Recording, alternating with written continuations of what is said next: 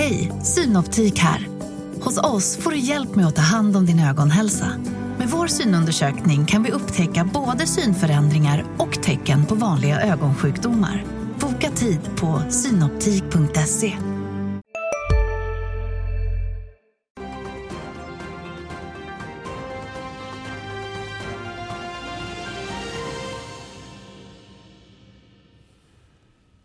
Torsdag och sura miner på Wall Street, däremot blandat i Asien under natten. Här i studion laddar vi inför rapportsäsong och snackar teknikbolag och mycket, mycket annat. Det är den 19 januari, du tittar på Börsmorgon. Varmt välkomna. Är det nu det vänder neråt? Alltså, vi kollar på lite korta och långa trender. Catena Media har justerat siffrorna och gör diverse nedskrivningar samtidigt. Och så har VNV rapporterat. Vi har pratat med Pep Per Briljot. Vi ska titta på det lite senare. Allra först säger vi välkommen till Stefan Wård från Pareto och Oskar Ekman på Penser. Roligt att ha er här. Stefan, du får börja. Vi hade en ganska kraftig sättning på Wall Street, ner 1,6 på S&P 500 och stängning på dagslägsta. Ja, riktigt tråkig session skulle jag säga som börjar lite småpositivt och sen orkar inte alls hålla så stänger kring dagslägsta. Jättesvagt i Staples, också lite oroande. Ja, mycket dålig makrostatistik. Vi brukar säga att dåliga nyheter är bra men för mm. mycket mm. av en god sak kanske inte piggar upp, Oskar. Nej, så är det ju såklart och egentligen är ju dålig statistik aldrig bra men marknaden är ju som marknaden är och nu vill vi att räntor ska komma ner. Jag tycker kanske att ränteförväntanshandeln har väl redan skett till ganska stor del. Vi har några börsgrafer att värma upp med. Vi har många bolagsnyheter också att snacka om. Men Stefan, här ser vi Russell 3000. Det är det allra bredaste indexet va? Ja, då får du med 98 procent av det som är investerbart kan man säga i amerikanska marknaden. Grovt liksom, så där är hela marknaden.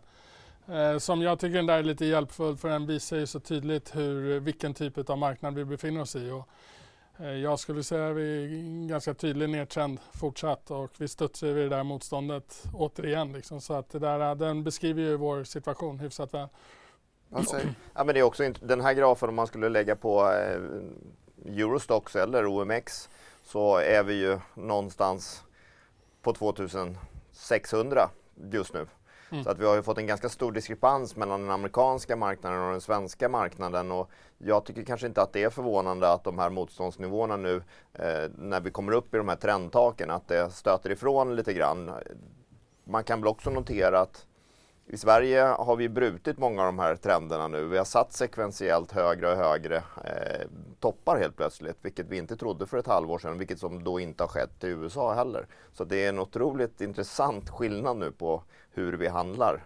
Europa versus USA. Här är en till USA-graf, alltså S&P det som vi är vana vid att prata med. Det ser ut att vara ungefär samma trend. Om vi växlar en bild till så tror jag att vi har Sverige och USA som du var inne på. Mm. Oskar, Stefan, det är din bild så du kan väl förklara lite kort? Nej, jag bara tycker man ska ha med sig varför man eh, tittar så mycket på USA mm. fast vi är och pratar om den svenska marknaden så är det där eh, den långsiktiga relationen och den är tight. Men det är som Oskar säger, när det går isär så hur, hur länge är det hållbart och så vidare. Det ställer massa intressanta frågor. Eh, ja, det, det, går ju sällan upp i Europa när det går ner i USA generellt sett så mm. börjar det falla över. Det ser ju tekniskt i USA ganska dåligt ut. Mm. Det är en väldigt svag rekyl vi har haft mm. eh, och det är tekniskt sannolikt att vi får en större sättning någonstans och då kommer ju inte Europa fortsätta upp. Mycket intressant. Ja, USA, USA drar ner oss vad vi än eh, tar oss till. Vi återkommer till lite stora kurvor snart men jag vill nämna några bolagsnyheter. En är att Catena Media gjorde en liten dubbel kommunikation. Dels så justerar man upp de preliminära totala intäkterna med 31 procent om jag inte missminner mig. Alltså, nej, förlåt, de totala intäkterna 31,5 miljoner euro och intäkterna i Nordamerika 31 procent upp i Q4, vilket låter väldigt bra. Å andra sidan två nedskrivningar, 7,3 miljoner euro och ytterligare en på 9,9. Din korta take, är det här bra eller dåligt allt sammankokat? Oskar? Är det jag nu? Ja, det är Härligt. Eh, men det visar väl egentligen bara på det som vi har pratat om väldigt länge, att den amerikanska marknaden är oerhört viktig och det är en, en rejäl tillväxt i USA. Eh, det visar ju också att tillväxt eh, genom förvärv, oavsett vilken bransch du är i, inte alltid är vägen till framgång heller. Du expanderar i en expansionsfas för att sen få facit flera år längre fram och det är såklart att de här bolagen, affiliate-bolagen är ju superintressanta tycker vi. Eh, men de har också tagit lite shortcuts eh, mm. in i marknader. Och det kan gå bra, det behöver inte alltid gå bra heller. Så att det, jag skulle säga att för branschen så fokuserar vi på att Amerika är, att det är, en, det är en explosiv tillväxt i Amerika. Det är jätteintressant. Sen bolagsspecifikt kanske det här inte är toppen för just Catena Media. Fast generellt skulle jag säga, nu är Nordamerika nästan 80% av intäkterna. Om det går bra, om man samtidigt gör två engångsavskrivningar och lyckas övertyga marknaden om att det är one-offs, då borde ju Ja, det första var ja, tyngre vägande. Var det inte så om jag minns rätt att de har någon form av spekulation om eh, någon som tittar på bolaget också? Ja, det har de sagt i åratal. Ja, och det är såklart att man skulle kunna spekulera i att du, du klär bruden lite grann mm. med de här nedskrivningarna och fokusera på det som kanske en budgivare tittar på som mest, förmodligen den amerikanska marknaden då. Om man nu ska spekulera ganska vilt. Eh, så, du, ja, vi får se helt enkelt. Eh, det leder oss in på Kambi som har kapitalmarknadsdag idag och eh, Stefan, dina analytikerkollegor säger att man har klätt bruden här också eller spänt bågen eller vad vi ska säga? Ja, spänt bågen är väl bättre. Jag vet inte, men eh, offensiva finansiella mål som kommer kräva ordentlig framgång med erbjudandet för att kunna uppfylla dem. Så det blir väldigt spännande med CMD senare idag. Mm. Ja, det blir spännande, särskilt med tanke på att fotbolls-VM inte verkar ha varit så bra för bettingbolagen på CM Sportboken. Du var på kapitalmarknadsdagen va? Ja, den har inte varit det. Men Nej, förlåt, jag, jag, är på, jag, är på, väg. Jag har aldrig varit på en kapitalmarknadsdag så jag är lite nervös. Mm. Uh, och det, det kommer bli jätteintressant att vara på en kapitalmarknadsdag. Vilka är där framförallt? Det ska bli kul att se. Ja, det ska bli kul. Jag tror alla kommer att vara där. Alla kommer att vara där. Hörni, ursäkta min virrighet. Jag ska också bege mig till andra sidan jordklotet och kort nämna att Jacinda Arden lämnar politiken i Nya Zeeland. Kanske inte direkt börspåverkan, men den här karismatiska unga premiärministern säger sig inte ha energin att fortsätta. Hennes Labourparti ligger också långt under i opinionsundersökningar. Jag tyckte det var intressant att förutom brottslighet så verkar cost of living, alltså inflationen och eh, boendekostnader i Nya Zeeland vara en bidragande faktor till att det går dåligt politiskt. Så noterar jag att fransmännen förbereder sig för en lång dag av demonstrationer, detta på grund av en pensionsreform. Men trots cost of living-kris och trots missnöje och demonstrationer så titta på det här. Champagneförsäljningen slår rekord. Den steg i förra året till 6 miljarder euro, alltså 66 miljarder kronor. Inte minst därför att folk verkar köpa dyrare årgångsflaskor. Eh, svårt att kommentera det här kanske i börssammanhang, men jag pratar mycket om den här spreaden. Vi har människor som knappt har råd med mat och ändå ska folk köpa mycket champagne samtidigt. Det verkar finnas energi kvar i köpkraften på vissa, vissa håll i alla fall, Oskar. Ja, det kommer det väl alltid att göra. Det, det är såklart, och de klyftorna har väl blivit större och större under en lång, lång period. Och de nya ekonomierna, som kanske inte är lika nya längre, har ju en, en otrolig efterfrågan på dyra, välkända varumärken, vad det än må vara. Och champagne är väl kanske ett av de mest kända om man kan kalla det för ett varumärke. Så ja, är väl det, det, det, ett tillgångslag som är begränsat och som väldigt många vill ha runt omkring sig. Ett av världens starkaste varumärken skulle jag säga. Mm. Apropå klasskillnader, eh, vi hade Per, per Briljot i studion och eh, VNV Global var ju faktiskt det sämsta investmentbolaget i fjol, i alla fall sett till kursutveckling och substansrabatt. Jag frågade Per hur det kändes. Nej men det, alltså vad jag skulle ljuga om jag säger att det känns bra. jag hatar när mina grejer går ner. Eh, tack och lov så, så, så investerar vi på fem och tio år och jag är, jag är säker på att när vi väl säljer de här sakerna om de här antalet år så kommer de vara mycket, mycket högre. Eh, och de kommer säkert ha gått upp och gått ner eh, flera gånger i, innan, innan det sker. Men, eh, men när det går, jag menar, man ska inte ha det här jobbet som jag har om man inte hatar när det går neråt. Så att det, liksom, det, det, det, det ska jag inte sticka under stol med. Ja, jag ska inte liksom rama in det här för negativt. Eh, det var en väldigt förtroendegivande VD tycker jag, ödmjuk inför att tiderna inte är optimala för den här typen av onoterad liten tech. Eh, Stefan, du gillar ju det här bolaget? Ja, absolut. Det gör jag.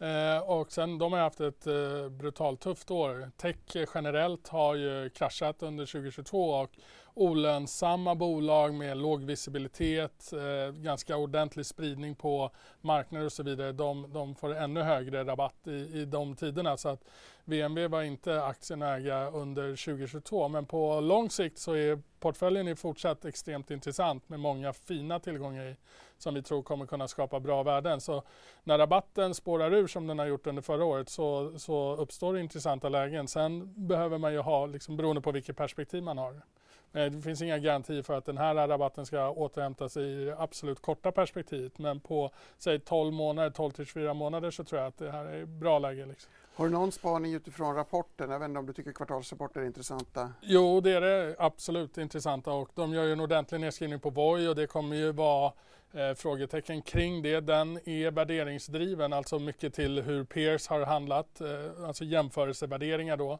De har inte ändrat sin egen metodik och då behöver vi ju liksom klura ut gå, hur går Voi fundamentalt och hur, hur ser deras eh, position ut och eh, operationellt sett så, så utvecklas bolaget väl. Sen så har man behövt eh, göra ett besparingsprogram eh, men det kommer hjälpa lönsamheten lite sådana här saker. Så det behöver vi nyckla ut. De har bra positioner i flera viktiga marknader så att jag tror att det kan vara okej. Okay. Men det kommer vara, det är ett orosmoln i den här rapporten. Å andra sidan skriver man upp GET. GET har man ju ökat, eh, gjorde ju som en eh, omstrukturering kan man säga, rest, restrukturering under eh, Q2 tror jag det var förra året. Eh, där man behövde ta in nytt kapital så VNB petade in pengar i det bolaget och nu äger man närmare, jag tror 49, 48-49 procent av Get som har en väldigt bra position i den israeliska marknaden. Israels Uber ska vi säga. Eh, exakt, exakt. Eh, vi kan väl nämna att det finns en ganska lång intervju med Per. Jag fick lite feeling och snackade med honom i 12-13 minuter. Bland annat om Voi som man värderar ner därför att Pearson Bird går så dåligt på börsen. Men han mm. lät ju väldigt positiv om utvecklingen i bolaget. Vill du flicka in något i den här småbolagscocktailen som VNV Global faktiskt är? Ja, det, nej, jag egentligen inte. Mer än att det är såklart, det här är ett bolag som man gärna vill titta på om vi kommer att få bättre marknadsklimat. Eh, det här är ju kanske ett sånt bolag som mår som allra sämst i en dålig marknad, precis som vi diskuterade. Eh, jag vill nämna Babylon som är ett stort innehav där man var med och mm. stoppade in pengar också nyligen. Stefan, väldigt kort bara din reflektion där. Ja, eh, Babylon är eh, otroligt sorglig aktie under det året som det har varit listat. Eh, operationellt sett så har de levt upp till sina mål. Eh, men det är, ganska, det är ett bolag som är krångligt att förstå. Eh, och där det händer rätt mycket. Jag tror att eh, man är i process att avyttra en verksamhet i, i Kalifornien som bör ske under Q1 2023 eh, vilket eh, radikalt skulle förbättra Babylons balansräkning och därmed skulle kunna ta bort en del finansiell risk i bolaget. Eh, det är ingen tvekan om att de kunder som använder Babylons lösning är nöjda och det är bra tillväxt i antalet användare och så vidare. Så teknikplattformen och lösningen eh, tycker jag är validerad utan det är mer affärsmodellen som, som fortfarande har en del frågetecken. Eh, Babylon sett i ett VNB-perspektiv ganska liten del av navet just nu så det är inte, det är inte därför man köper VNB i, i det här läget. Eh, Babylon standalone är fortsatt intressanta mm. men Eh, jag fick faktiskt en tittarfråga eh, till Per apropå tajmingen här. Man ska, ska man gå in i ett investmentbolag som kommer att behöva skjuta till pengar till alla sina innehav under den kommande perioden? Och Per eh, svarade med entusiasm på detta. Så här lät det. Nej, det, det, det, där är väl det som har varit det som har gjort att vi är sämst i klassen nu därför att kapitalmarknaden hatar det som vi håller på med. Eh, och, och, så har det varit under tidigare perioder och så kommer det säkert vara igen men liksom det varar inte för evigt. Så att på något vis ligger väl det där i priset kan man väl tycka. Och sen så, sen så är det svårt att säga när det, liksom, när det vänder. Men, men eh, vi har skrivit ner vårt NAV från 1,4 miljarder dollar till ungefär 600 miljoner dollar över förra året. Så det är ner mycket. Men utöver det så har rabatten på våra aktier ökat markant. Eh, som också ett tecken på att hur avvaktande kapitalmarknaden är för exakt det vi håller på med. Men de bolagen vi har är faktiskt, liksom, som vi pratar om nu, en del är kassaflödespositiva. Eh, och, eh, och den stora mängden, eller den största delen av vår portfölj är också, har finansiering så att, eh, eh för att ta sig till kassaflödespositivt. Så, att, eh, så att jag tycker de är väl rustade. Sen när vår del av kapitalmarknaden vänder, svårare att säga. Mm, men någon gång vänder det.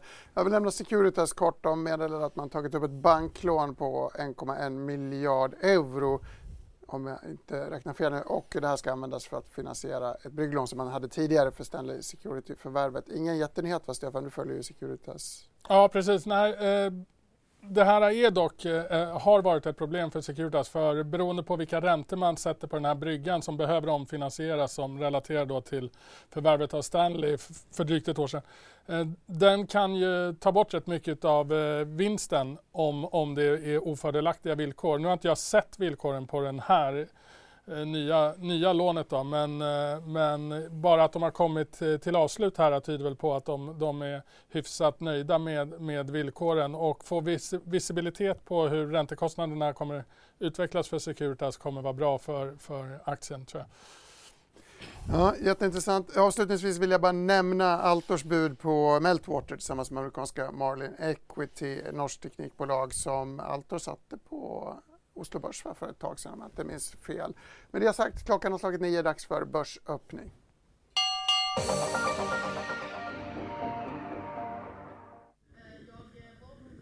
Ja, det blir en öppning neråt idag efter ett försiktigt avslut igår. OMXS30 är ner lite över en halv procent nu. I botten ser vi SBB backa runt omkring 5% efter en säljrekommendation. Även Sinch rekylerar ner i toppen, lite mer defensivt Telia, SCA och Eh, och Essity lyfter svagt. Catena Media ser vi ingen större rörelse i än så länge, backar som börsen nu och det är efter att de kommit med preliminära siffror för det fjärde kvartalet som ni varit inne på och det ska vara att europeiska nedskrivningar då tynger resultatet samtidigt som Nordamerikas intäkter väntas ha ökat cirka 30% mot förra året. Investmentbolag VNV Global däremot har kommit med definitiva siffror. Aktien backar 5 och eh, substansvärdet där minskade 50% i årstakt. Sportboksleverantören Kambi stärks över 7 och det efter att de har kommit med nya finansiella mål då inför kapitalmarknadsdagen och räknar med att öka intäkterna 2 till 3 gånger till 2027 mot fjolårets nivåer. Nordea backar svagt, har liksom flera banker fått eh, höjda riktkurser idag. Vi har också fått reda på att Nordea förvärvar Advinans som är en digital plattform för tjänstepensioner.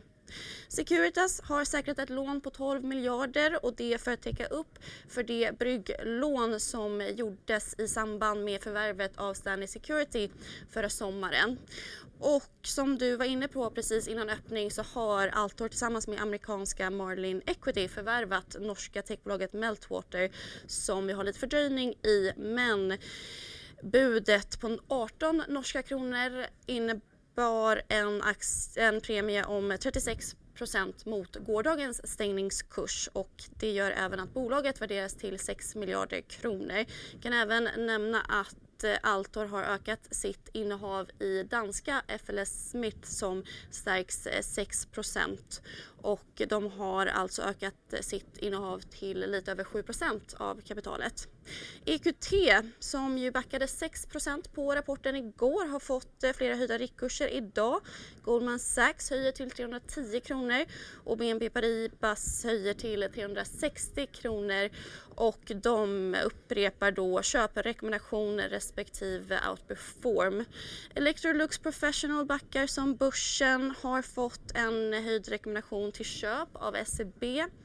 Även Lindab har höjts till köp på kort sikt av Handelsbanken som även sänker System Air till behåll på kort sikt. SBB som sagt fått en säljrekommendation av Nordea med riktkurs 17 kronor.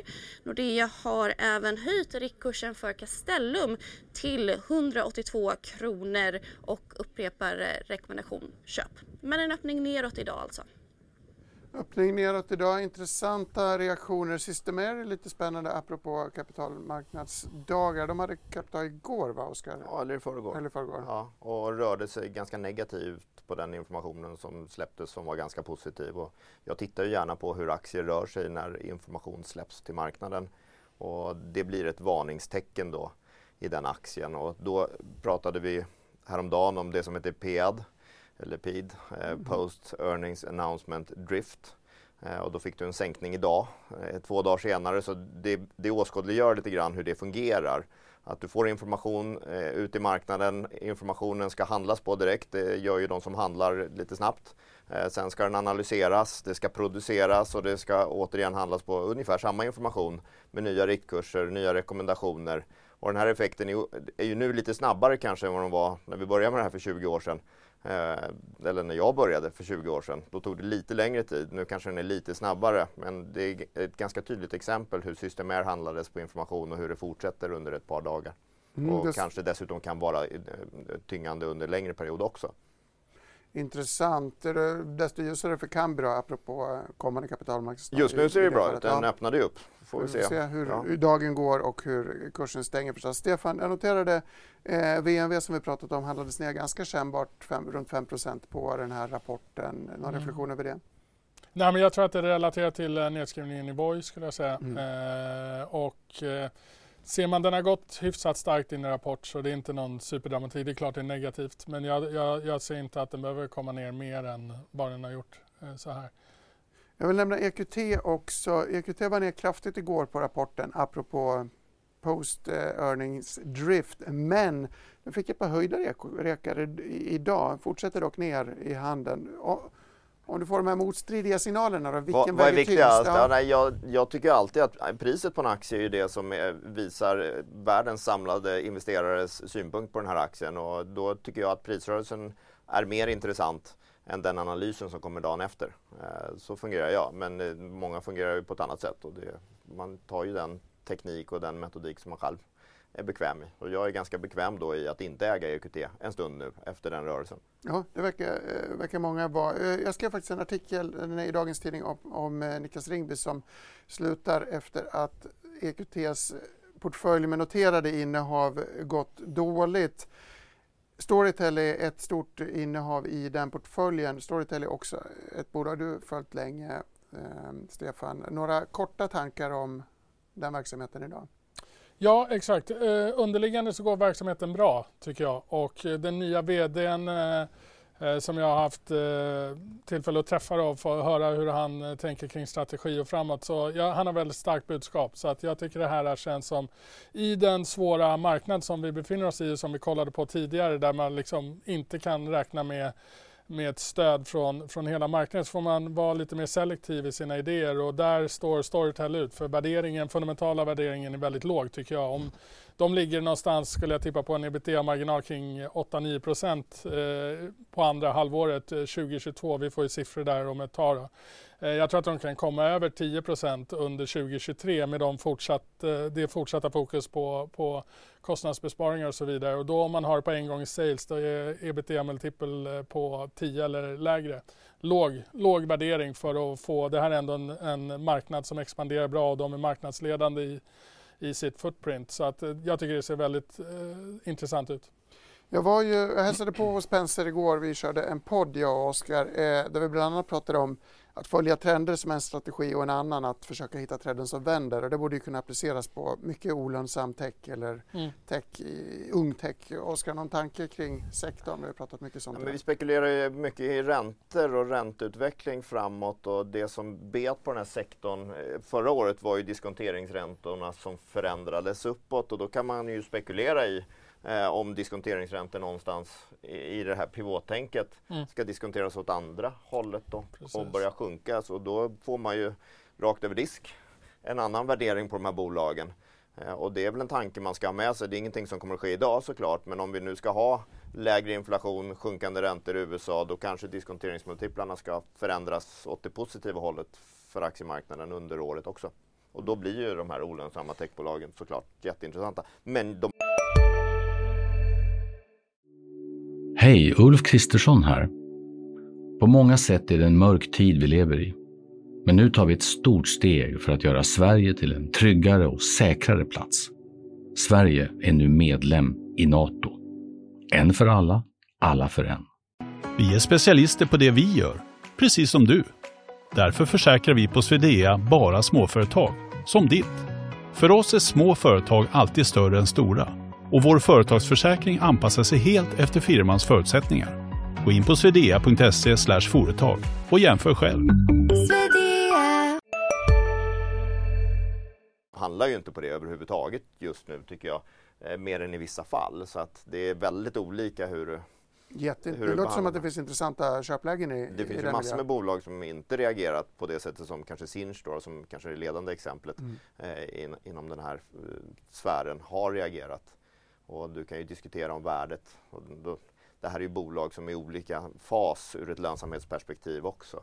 Så att det är alltid, det är, det är, många, som vi pratade om igår också, det är många parametrar att lägga in i det här. Men diskonteringsräntan är en, en faktor som jag kanske håller lite utkik efter. Vill du fortsätta det resonemanget? Ja, men det, det är väldigt bra resonemang tycker jag och håller med. Och det är som en grundbult i, i tesen liksom att det finns värde här. Då är det väldigt bra om man har fundamental support, precis som, som Oskar beskriver. Så det, det här handlar om värderingen. Om på en gång i sales, vad är nedsidan? Man måste hitta ett bra risk-reward alternativ för får vi en sur marknad så, så kommer ju saker och ting som saknar fundamenta, de kommer ju kunna halveras igen. Mm. Liksom. Men det här är, är, inte ett sådant bolag utan här får man ganska lågt värderade framtidsutsikter skulle jag säga. Och kapitalbehovsfrågan var vi inne på lite grann med Securitas nu då till exempel. Men där har ju finansmarknaden och obligationsmarknaden tinat lite grann. Kapitalbehov i företag idag kanske inte är lika alarmerande som det var för ett halvår sedan.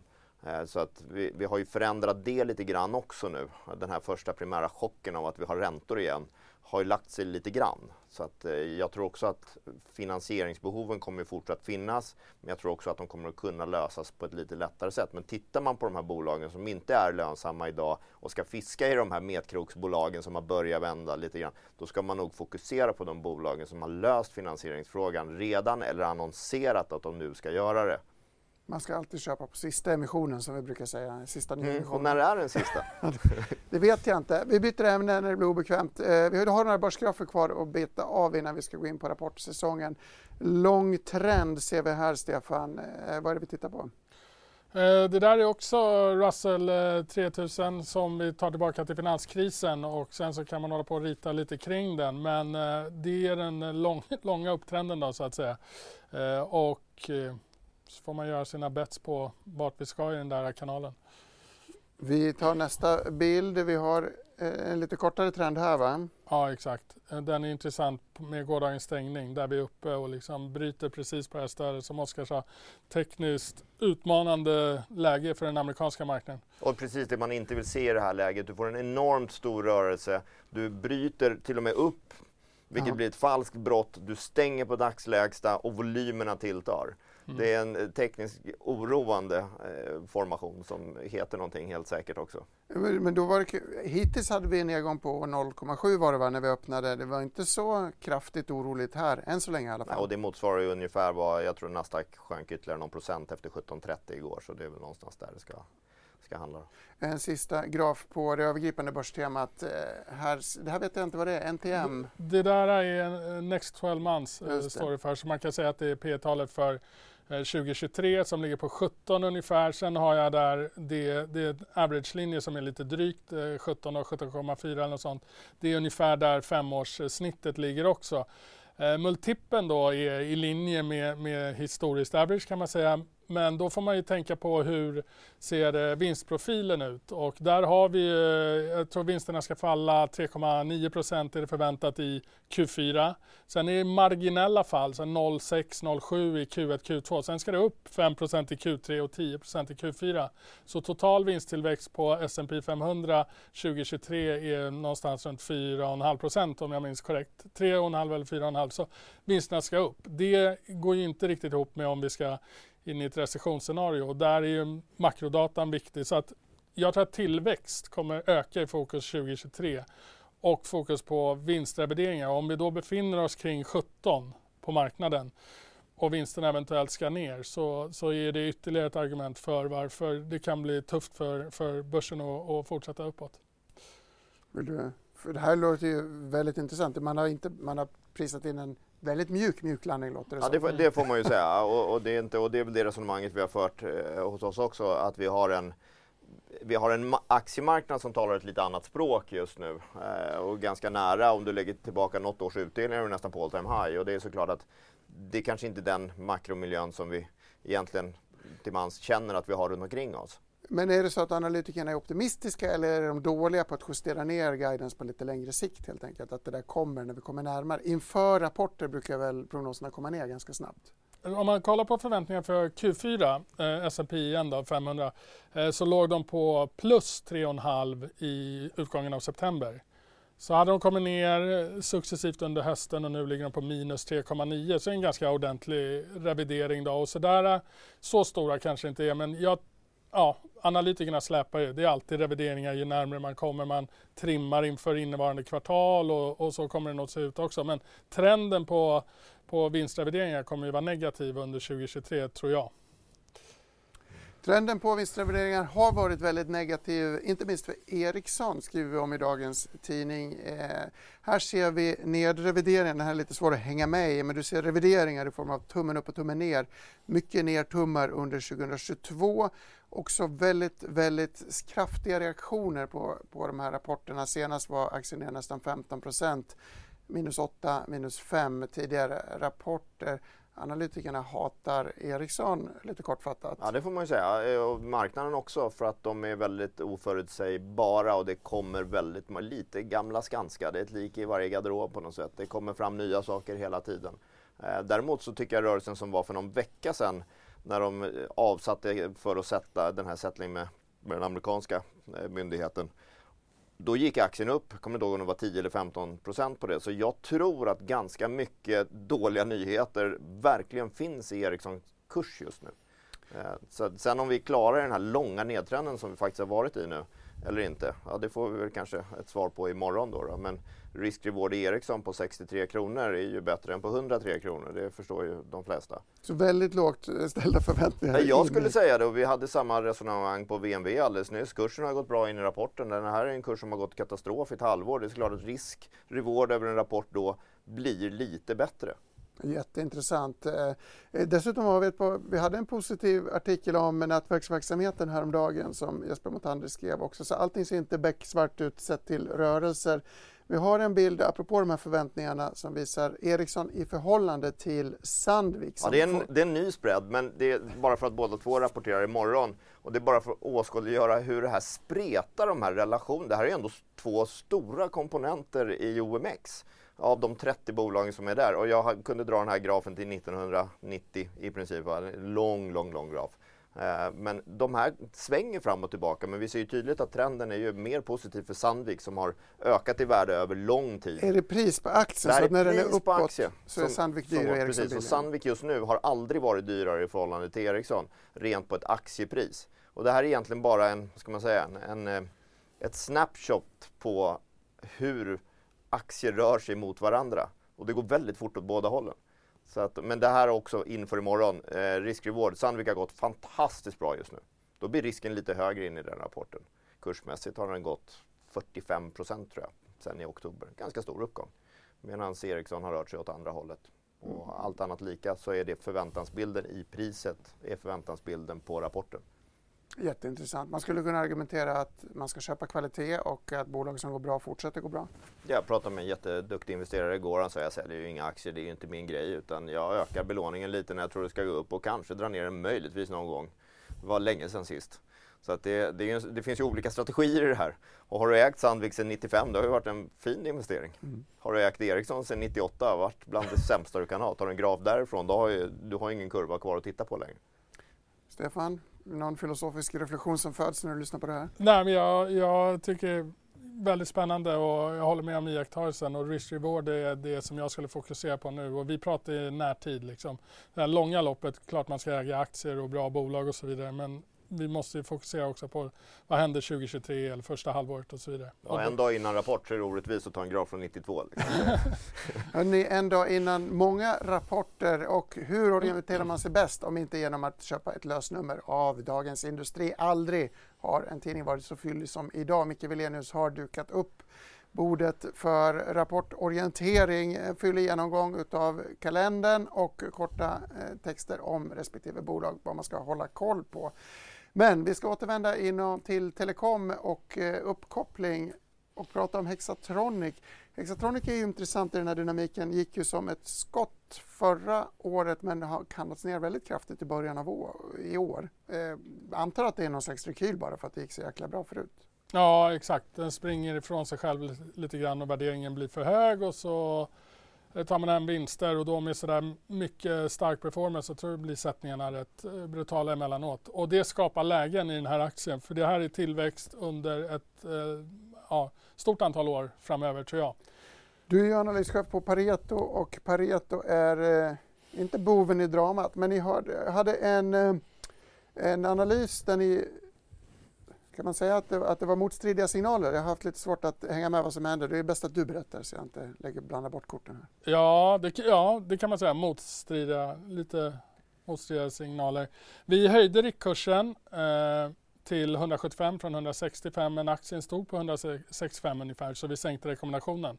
Så vad det reflekterar är ju så här, okej, okay, eh, vi har ljusa utsikter för bolaget och tror att de kan fortsätta att växa och och utvecklas väl men vi tycker att för mycket inprisat i aktien så vi går över till en typisk hold-rekommendation. Och det, det, var vad vi gjorde och aktien sedan dess eh, föll 30% vilket skapar det här läget att, att gå tillbaka till köp eh, på, för, för ett bolag som vi har väldigt högt förtroende för. Mm, jätteintressant. Oskar, du har en annan aktie på lite samma bog, eller hur? Ja, Transtema, fantastiskt litet bolag eh, som också har varit ganska likt eh, Hexatronic i verksamhet. Har nu blivit en, en nästan renodlad serviceverksamhet, driftar nät. Eh, och jämför man de här två bolagen så är det två olika storlekar i bolag.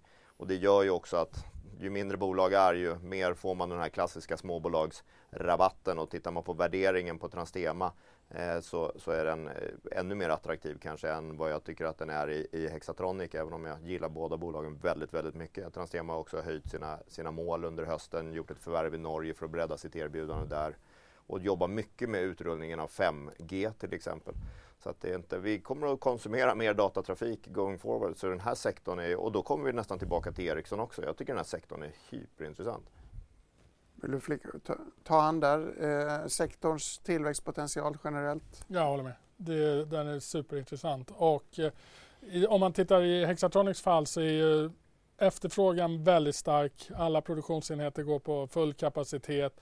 Eh, hur länge kan det vara så? Då? Ja, men då får man kolla på, de levererar väldigt mycket fiberaccess, eh, alltså fiber till hemmet access och de strategiska positioneringar man har tagit i eh, Storbritannien, Tyskland och USA, där är penetrationen fortfarande väldigt låg. Hur låg är den där? För det spekulerade jag häromdagen. Jag hörde ju 7-8 procent, men det är ju en gammal siffra. Vad har ja. vi nått upp i nu? Nej, men den ligger lite drygt det då. Den är inte så, så gammal, men liksom, eh, det är fortfarande single digits i Tyskland och, och Storbritannien. Sen är den väl lite drygt 20 procent i USA.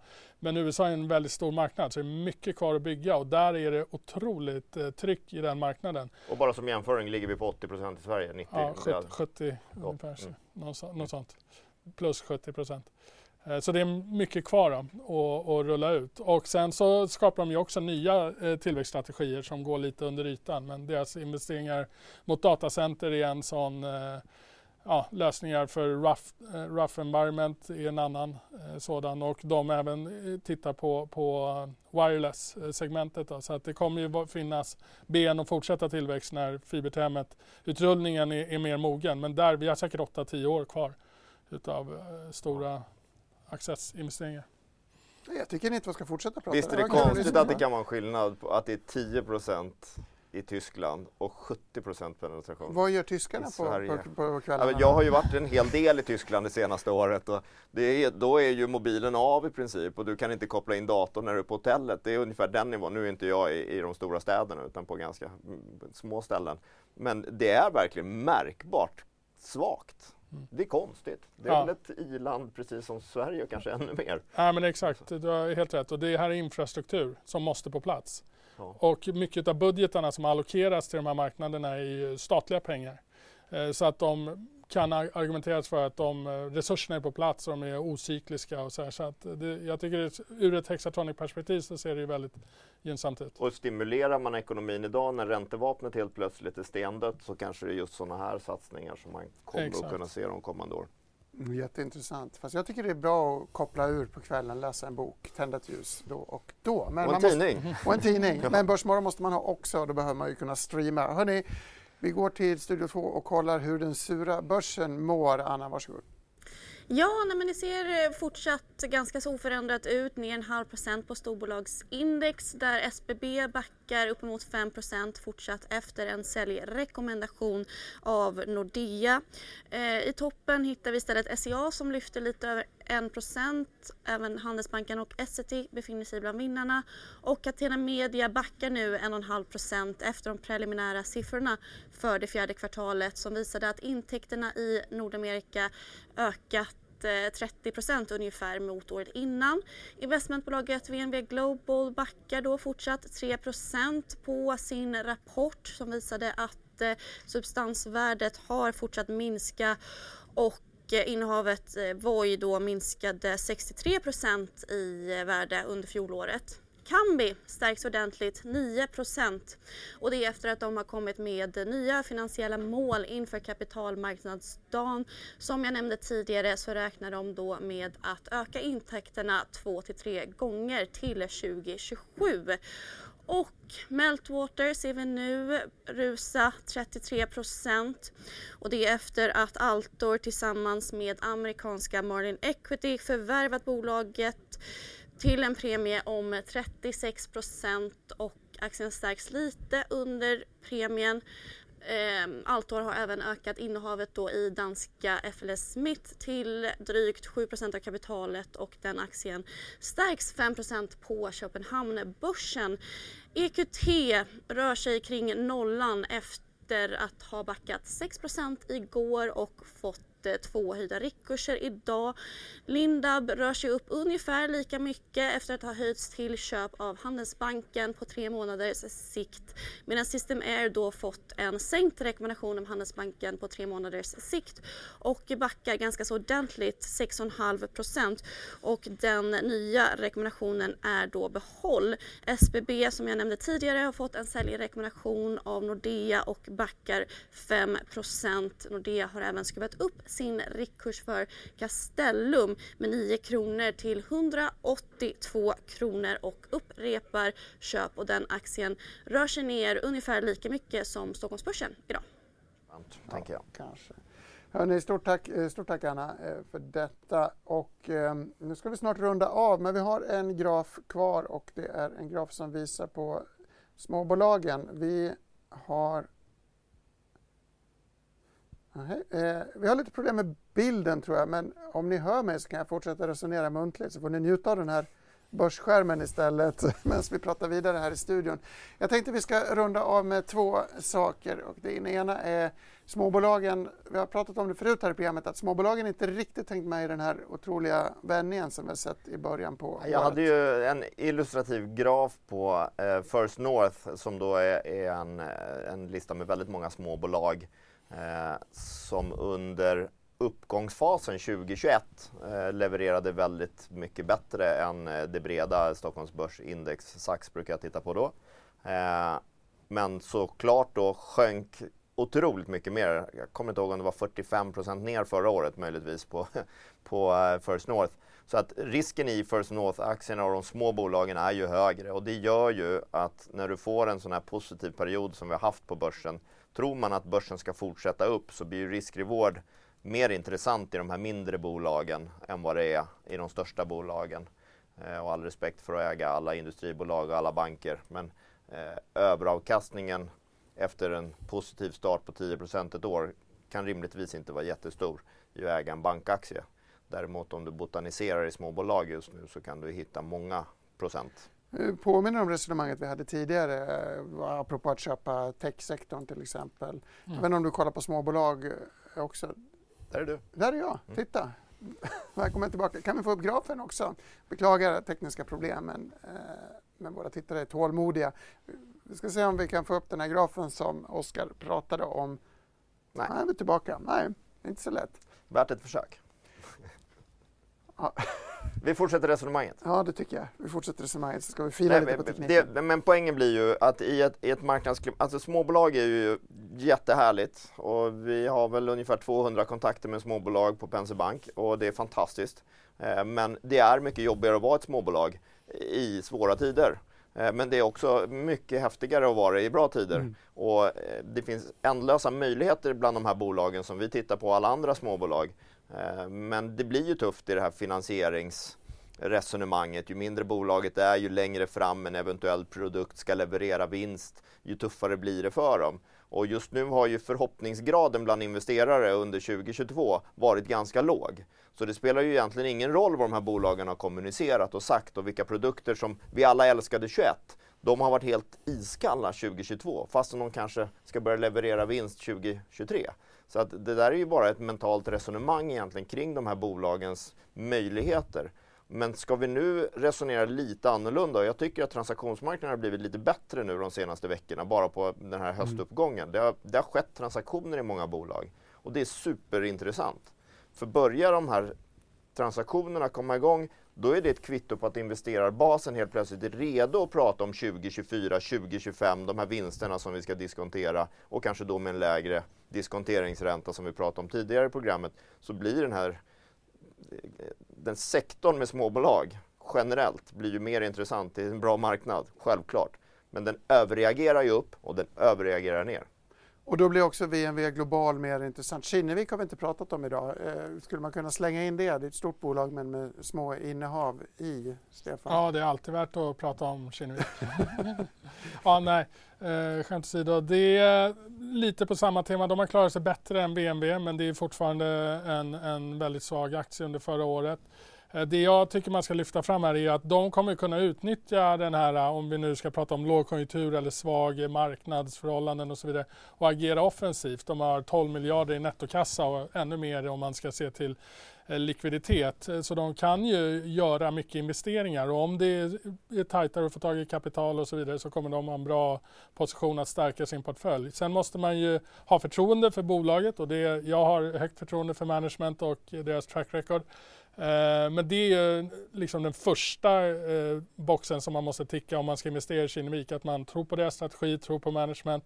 Eh, I sådana fall så tycker jag absolut att man ska handla aktien på de här nivåerna och sen hålla den och se vad är det för investeringar de kommer göra, hur kommer de utvecklas då under säg en treårsperiod.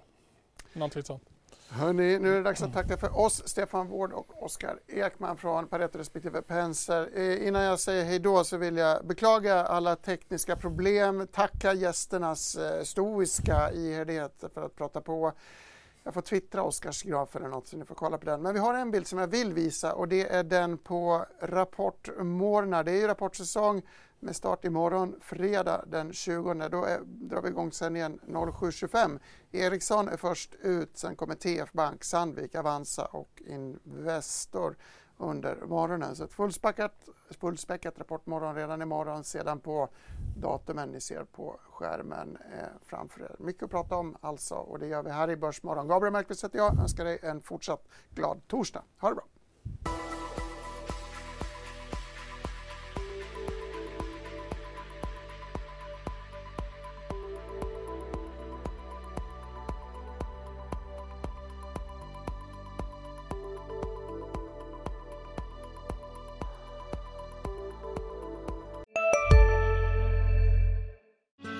Susanne Axel här. När du gör som jag och listar dig på en av Krys vårdcentraler får du en fast läkarkontakt som kan din sjukdomshistoria.